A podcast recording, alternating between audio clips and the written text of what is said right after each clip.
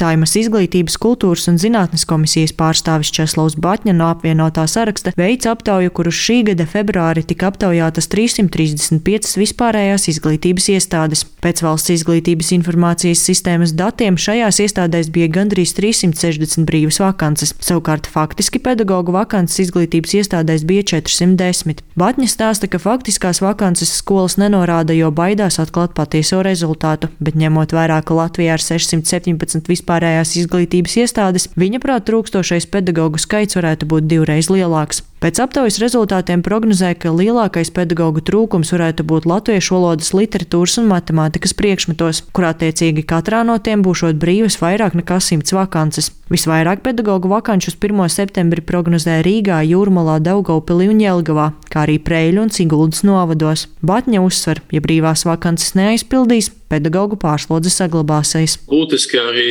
tomēr mums stiprināt atbalstu pedagogiem, veselības apdrošināšanu, sabiedriskais transports, bet ļoti daudz akcentēja, ka pedagogiem lielu laiku paņem komunikācija ar vecākiem, ka ir nepieciešams tomēr kaut kāds normatīvais regulējums pedagogs vecāks skolēn, jo tas arī mazinās to skolotāju stresu komunikācijā vai ieliks robežas. Un starp citu ir ļoti būtiski arī mentoru nodrošināšana jauniem pedagogiem izglītības iestādēs, lai šis jaunais pedagogs saredz atbalstu no skolas. Ieteikumiem piekrīt arī Latvijas studentu apvienība, kas ir runājusi ar studentiem topošajiem pedagogiem, lai saprastu iemeslus, kāpēc studenti nevēlas strādāt par skolotājiem. Skaidro Latvijas studentu apvienības prezidenta Liena Levada. Lielākā daļa strādā arī skolā paralēli savām studijām. Ļoti liela daļa strādā arī sākot no pirmā kursa, ko viņi arī paši norāda, ka tā ir liela problēma, jo ir slodze, tā ir augsta. Viņiem nav pietiekams atbalsts studiju laikā. Šī pārējai no studijām uz skolu ir nepieciešams pielāgoties. Jaunie pedagoģi saskarās ar mobbingu no